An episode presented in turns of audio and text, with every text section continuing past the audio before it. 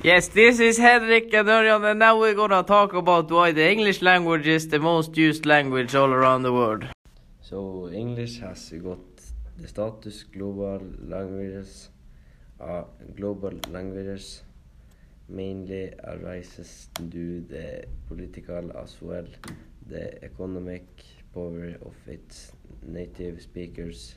It was the British imperial and industrial power that caused the spread of English around the globe from 17th to 20th century.